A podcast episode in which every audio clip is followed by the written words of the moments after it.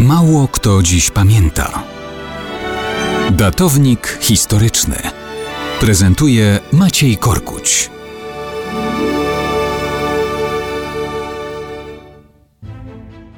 Mało kto dziś pamięta, że 25 maja 541 roku królem Ostrogotów został Eraryk. Gdzie to miało miejsce? Gdzie istniało Królestwo Ostrogotów? Otóż w Italii.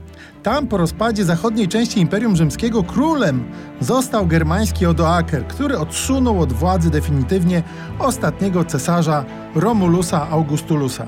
Państwo Odoakra istniało aż do uderzenia Ostrogotów, którzy pod wodzą Teodoryka Wielkiego doprowadzili i do zwycięstw, i do układów, i w końcu do zabójstwa Odoakra. I tak germańscy Ostrogoci zostali władcami Italii na zawsze. Przynajmniej takim się zdawało. Następcą Teodoryka był Atalaryk. Potem królestwem rządził Teodahad, ostatni z rodu Amalów. W czasie buntu gockich wojów został on zamordowany przez Witigesa, który objął tron. Rządził 4 lata. Władzę po nim przejął Hildebald. Jednak ten już po roku został zamordowany przez własnego służącego. Wtedy tron objął nasz Eraryk 25 maja 541.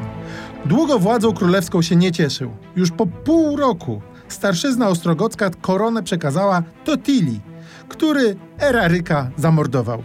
Totila rządził niemal dekadę. Poległ w bitwie pod Busta Galorum, mknąc na czele ciężkiej jazdy do ataku.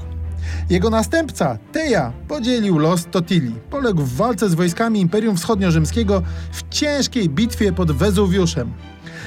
I tak się złożyło, że śmierć Tei oznaczała koniec Królestwa Ostrogotów w Italii.